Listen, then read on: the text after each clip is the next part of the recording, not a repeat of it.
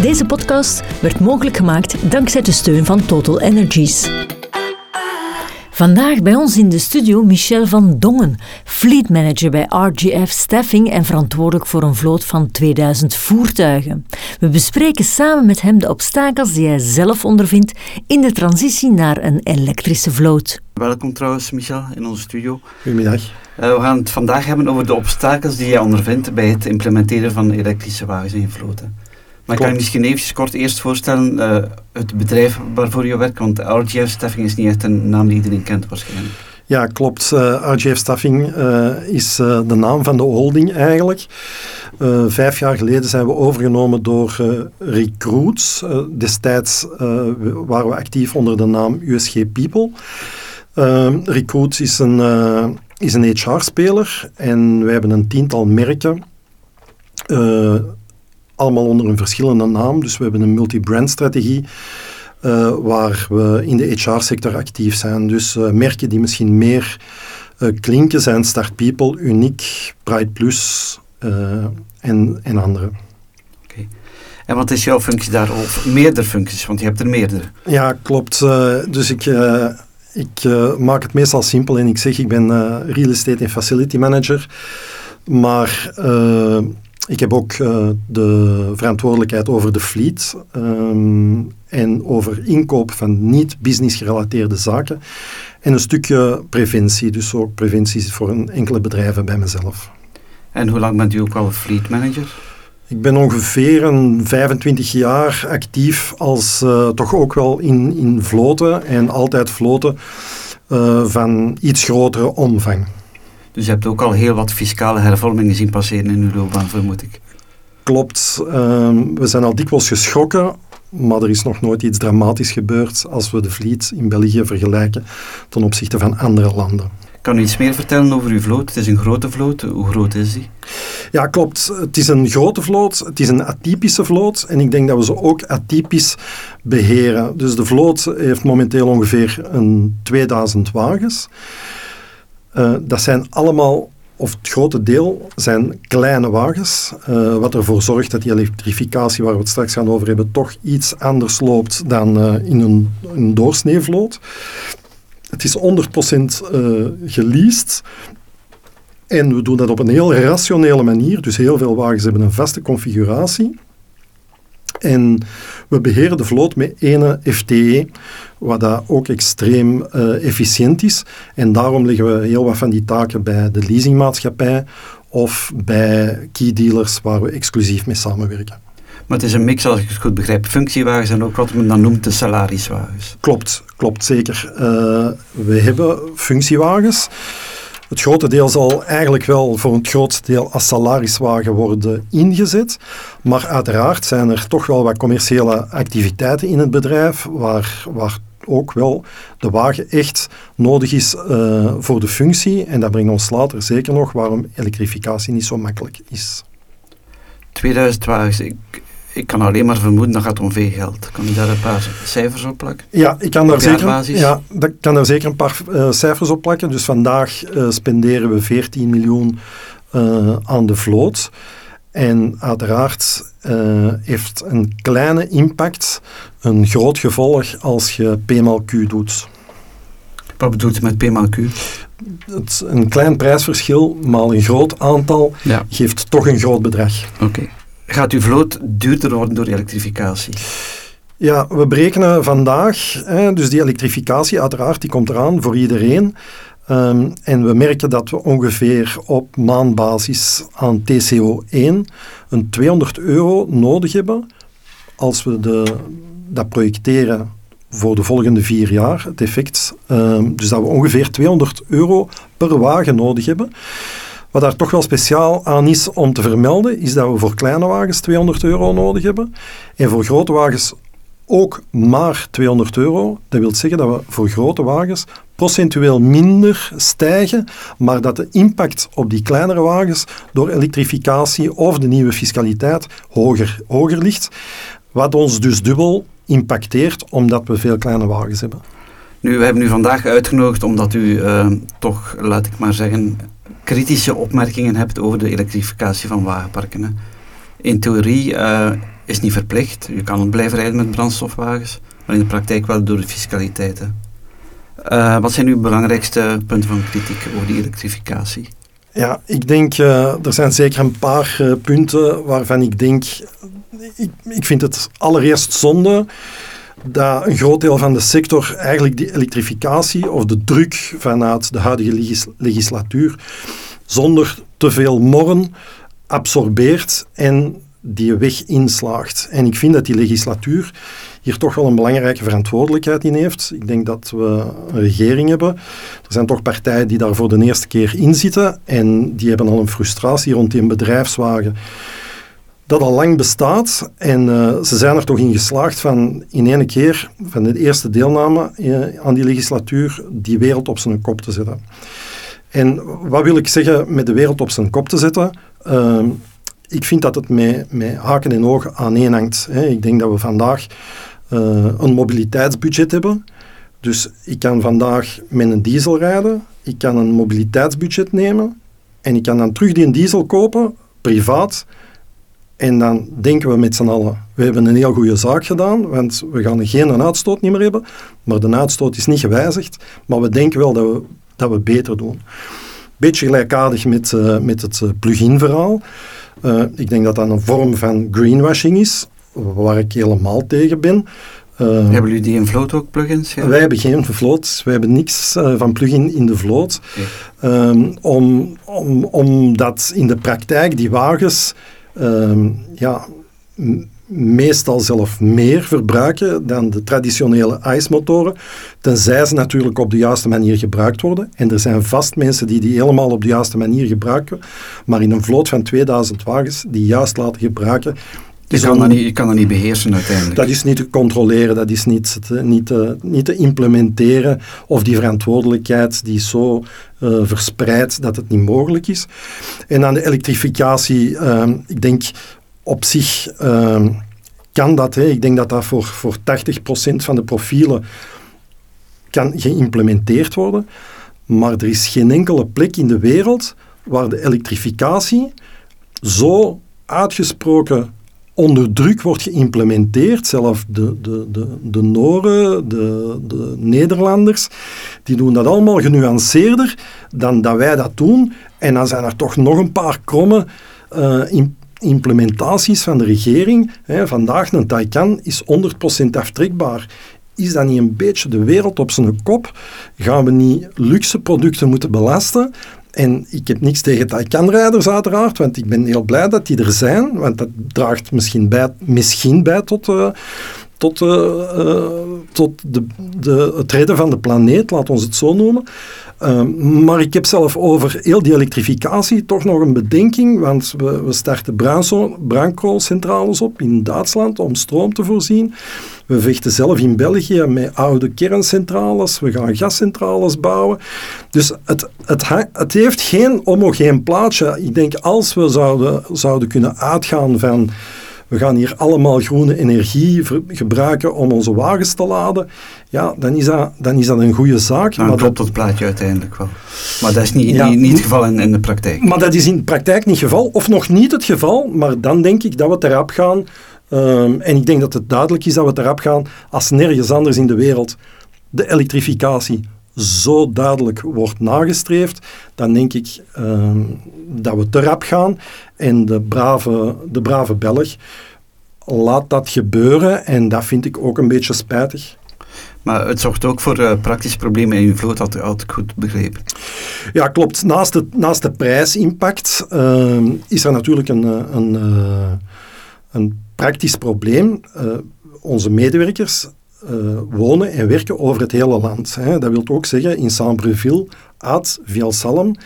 En ik denk, uh, we moeten daar niet moeilijk over doen, dat die infrastructuur of de laadinfrastructuur daar toch nog veel beperkter is dan in de driehoek Antwerpen-Gent-Brussel. En uh, onze populatie, dat zijn heel veel jonge mensen, heel veel mensen met beginnerslonen, die wonen die wonen op locaties waar laden onmogelijk is. Voor onze volledige populatie is, heeft 70% van de mensen geen oprit of een garage. Dus en dan is, rijwoningen en appartementen. Ja, klopt. Ik denk ik ben nog braaf met mijn 70%, maar als je dat over de volledige bevolking zou uitrekenen, ligt dat percentage zelf nog hoger. Dus ik begrijp dat heel veel fleetmanagers mooie vloten hebben waar lage categorieën Audi A4's of BMW 3's zijn. Bij ons zijn dat al de hoge categorieën. En dat maakt dat onze situatie toch erg verschillend is. Onze kleinste wagens zijn eh, VW Polo'tjes en uh, Mini uh, Cooper vijfdeur. Voor die wagens zijn vandaag geen elektrische alternatieven mogelijk en die zijn fiscaal ook nog altijd betaalbaar in een ICE-configuratie. Je hebt natuurlijk wel een elektrische Mini, maar die, die is dan te duur voor jullie. Ja, bijvoorbeeld een elektrische Mini of een Peugeot 208e, maar om maar eventjes duidelijk te maken dat we vandaag met uh, dat een polootje, een netto-investering zonder btw, 19.000 euro is. Dat de restwaarde na vier jaar en 80.000 kilometer 17.000 euro is. Dus dat is een afschrijving van uw investering van 2000 euro op vier jaar. Ja, dat ligt met een auto zoals een Peugeot 208e, denk ik, die dat een investering heeft van een 35 en een restwaarde die erg ongekend is, ja, ligt die kost gewoon dramatisch anders. Los van het feit dat die kleine wagens die vandaag in het gamma aanwezig zijn, een erg beperkte actieradius hebben. Dus als je dan in, die, in, die, in dat Wallonië vandaag uh, waar dat de afstanden net groter zijn dan, uh, dan vandaag, dan, dan in Vlaanderen, ja, dan, dan is toch duidelijk dat dat type auto's geen oplossing zijn uh, op, op dit moment. En denkt u dat er oplossingen komen? Natuurlijk, de markt beweegt. Hè. Er komen stilaan kleinere modellen op de markt. Ook de Chinese merken komen. U volgt dat op de voet wat er op de markt komt? We volgen zeker alle merken. Um, ik denk dat de, de, de merken zeker um, in de aanleiding tot de elektrificatie, laten we dan zeggen voor 30.6, zeker een, een, belangrijk, uh, een belangrijk aanbod, aanbod hadden ten opzichte van de premium brands. Nu, ik denk de premium brands hebben zeker vandaag ook al hun aanbod. En het is duidelijk, na 30.6 de kortingen gaan volgen en bij de leasingmaatschappijen blijven toch die restwaardes van de traditionele premium brands hoger liggen uh, dan de, de Oosterse uh, conculega's. We merken wel uiteraard dat daar, dat daar zeker technisch uh, zeker geavanceerde oplossingen in zijn. Ik denk de grootste, de grootste struikelblok vandaag voor die merken in onze situatie is dat zij niet over een logistiek apparaat over dat hele land beschikken, zodanig dat, een, dat, dat, het netwerk ook, ja, omdat ook dat die garages vandaag een heel belangrijke taak hebben in, on, in, in ons fleetbeheer. Ik kom even terug op die laadinfrastructuur. Uh, dus mensen kunnen thuis niet laden, maar jullie hebben veel sites, vermoed ik, met al die, die bedrijven in, in de groep. Ja, klopt. is er een uh, infrastructuur op de bedrijven zelf, of, of, is dat niet echt van toepassing bij jullie? Ja, eigenlijk uh, hebben we 100% huurpanden. Eigenlijk is het hoofdhuis daar een uitzondering van. En hebben we ook een 80 parkeerplaatsen. Dus we zouden op snelle, snelle wijze daar de, de infrastructuur kunnen maximaliseren, wat we ook zullen doen. Maar dat is een druppel op een hete plaat natuurlijk. Hè. 80, uh, 80 plekken op het hoofdhuis. Um, alle andere panden zijn huurpanden. Het typische interimkantoor in een winkelstraat, waar laden ook onmogelijk is. Dus u begrijpt, we komen in een situatie waar thuisladen niet mogelijk is, waar professioneel ook niet laden mogelijk is, ja, dan, dan blijft er weinig over. Dan moet je gaan, uh, gaan publiek laden. En, dan, dan, dan, dan, heb je andere prijzen natuurlijk. Dan heb je andere prijzen of andere snelheden. Hè. En vooral andere prijzen. Een beetje de nadruk op ongekende prijzen. Hè. Want vandaag, dat is misschien ook nog wel een frustratie die, dat we, die dat we hebben.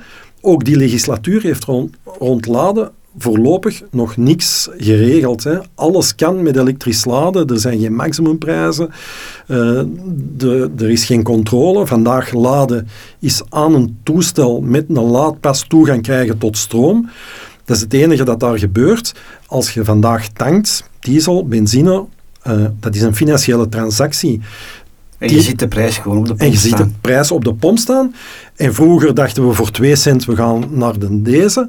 En nu doen we voor ongekende prijzen, uh, batchen we en begint onze laadinfrastructuur uh, de auto te vullen. Nu, Europa is er wel mee bezig. Ik geloof in 2028 wordt het verplicht van display. Maar ik denk alleen voor snelladers en niet voor traagladers. Dus dat blijft ook een probleem. Dan. Klopt, ik denk het ook. En natuurlijk, uh, we zijn vandaag 23, 28 ja. is nog vijf jaar. Uh, dus ik denk dat, uh, hoewel het niet zo klinkt, hè, ik ben pro-elektrificatie.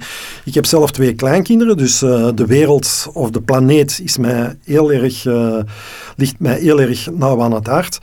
Maar we gaan gewoon te snel. En als, als we even kijken naar de toekomst, dus uh, concreet, jullie gaan wel e elektrificeren met de duurdere modellen in de vloot. Klopt. Om hoeveel wagens gaat het dan? Um, ik denk dat wij een groot deel zullen elektrificeren, de, het bovenste deel, um, en het kleinste deel nog niet. Um, en in één categorie zullen we nog op korte termijn eventjes keuze laten. Dus we zullen de helft op korte termijn elektrificeren in een, in een model waar niet iedereen tevreden uh, zal zijn. Hè. We zullen badges voorzien uh, om te laden. Maar als publiek laden uw enige optie is, is het zeker geen comfortabele situatie. En dan die andere wagens, die functiewagens, die, die kleinere wagens, die compacte. Wat gaat u daarmee doen? Gewoon verder blijven rijden met verbrandingsmotoren? Ja, daar blijven we met benzinemotoren natuurlijk. Hè, omdat diesel, uh, die heeft al enkele jaren de, de zwarte piet gekregen. Hoewel ik daar niet helemaal mee eens ben. Uh, maar we zullen inderdaad benzine blijven rijden. Uh, en dat zijn kleinere wagens, dus alle componenten uh, van de TCO blijven daar onder controle. Hè. Zelf de, de CO2-tax in uh, 27 blijft daar onder controle. En ook het voordeel alle aard is daar uh, de volgende vier jaar toch nog goed of van die aard dat de mensen daar niet moeilijk moeten over doen. Heb je al een berekening gemaakt van wat dat gaat kosten om de komende jaar met verbrandingsmotoren te blijven rijden? U zegt het net van ja, het is doenbaar, maar. Ja, als we vandaag TCO berekenen, en, en ja, daar wil ik toch nog, ook nog wel even iets over kwijt, daar heb ik ook een uitgesproken mening over. Um, we, we, kennen allemaal de TCO 1, 2, 3. Uh, wij rekenen met TCO 1, dat is de TCO op de EBIT-lijn, dat is de cash-in, cash-out. Uh, ik zie heel veel uh, TCO-goochelaars die met, met, berekeningen komen, maar ik denk uh, heel veel bedrijven of toch zeker grote bedrijven, beursgenoteerde bedrijven, die hun EBIT-cijfer is bepalend voor de beurswaarde. Dus uh, waar in mijn ogen TCO2 en TCO3 al, al van bijkomend belang is. Dus wij, wij rekenen vooral met die EBIT-lijn. En als we daar die ICE-motor in berekenen, projecteren wij ook die berekening voor de volgende vier jaar. Dus we nemen het moeilijke jaar 27 voor die, voor die auto's mee. Um, en dat valt nog allemaal uh, heel goed mee. Hè. Die CO2-tax van die kleinere motorisaties, dat zijn duizendjes benzine, zowel CO2-tax als voordeel alle aard, um, zijn, zijn onder controle. En de aftrekbaarheid, vermits dat het TCO 1 is, um, uh, ja, nemen we in beperkte mate mee. Ik heb een vraagje over. Uh, u bent een van de weinige mensen die hier open over praat. Maar ik vermoed dat heel veel bedrijven in dezelfde situatie zijn. Soms contact met collega's, fleetmanagers, om daarover te, te praten? Ja, ja, zeker vast. Hè. Ik, uh, ik uh, deel zeker veel informatie met, uh, met collega's. Of aanbieders, hè. Laat, ons, laat ons eerlijk zijn. We zijn de laatste vijf jaar door, door TCO-berekenaars overspoeld. En ik heb daar ook een uitgesproken mening over. Als TCO wordt aangeboden vanuit een commercieel standpunt, zijn de garages invoerders. Zij doen dat gratis, hè, dus zij mogen berekenen wat ze berekenen. Uiteraard moeten we het wel eens zijn over de componenten of hoe dat componenten worden meegenomen. Maar ben ik de persoon die moet nadenken over het resultaat daarvan? Ik heb uh, anderzijds ook wel TCO-berekeningen professioneel laten uitvoeren, waar we voor betalen. En dan ben ik toch uh, ook uh, teleurgesteld dat die professionele berekeningen, dat ik daar zelf ook even kritisch mijn, mijn, mijn beperkingen rond, rond dat resultaat moet, moet meedelen. Uh, waar ik verwacht dat die een, betalende, die een betaalde consultant toch dat werk voor mij uh, ja. zou doen. Misschien een slotwoordje. Wat is uw boodschap aan de, aan de politiek in deze? U hebt in het begin al een beetje gezegd, u bent niet tevreden over de, over de, de lijn die getrokken wordt. Hè? Ja, ik denk dat er, dat er verschillende zaken zijn. Hè. Ik denk, één, we gaan te snel. Dat moet iedereen, uh, iedereen onderkennen. Is, kunnen we nu met EV 80% of 90% van de markt aftoetsen? Ik weet het niet, maar er is zeker 10% van de mensen die, die vandaag met een auto een functie uitvoeren waar elektrisch rijden gewoon een supergrote uitdaging is. En dan denk ik dat we onszelf een economisch tekort doen. En anderzijds, ja, de hele laadproblematiek, die toch wel door heel veel mensen wordt onderschat naar complexiteit rond uh, op welke manier die kosten allemaal kunnen binnenkomen, aan welke tarieven, om dat te consolideren. Ik denk dat de overheid daar een heel belangrijke taak heeft, van daar een regelgeving rond te maken, zodanig dat we daar eigenlijk een, een deel van de, van de potentiële misbruiken die er mogelijk zijn, kunnen uitsluiten. Over welke misbruiken hebt u het dan? Ik denk maar, als je vandaag een, een smart cable ter beschikking stelt en iemand steekt die bij u op, uw, op een professionele locatie in de, in de prijs, is hem uw stroom aan het gebruiken en wordt hij er ook nog eens voor betaald.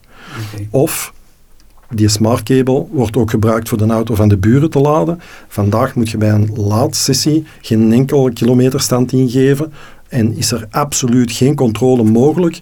Zeker niet omdat uh, de verbruiken van elektrische wagens toch wel heel erg kunnen uiteenlopen. Je kunt met eenzelfde type wagen 15 kilowatt verbruiken, ah, maar je kunt er ook 25 verbruiken. Dus de mensen daarop aanspreken is ook nog eens moeilijk. Michel van Dongen, dank u wel voor dit gesprek. Graag gedaan.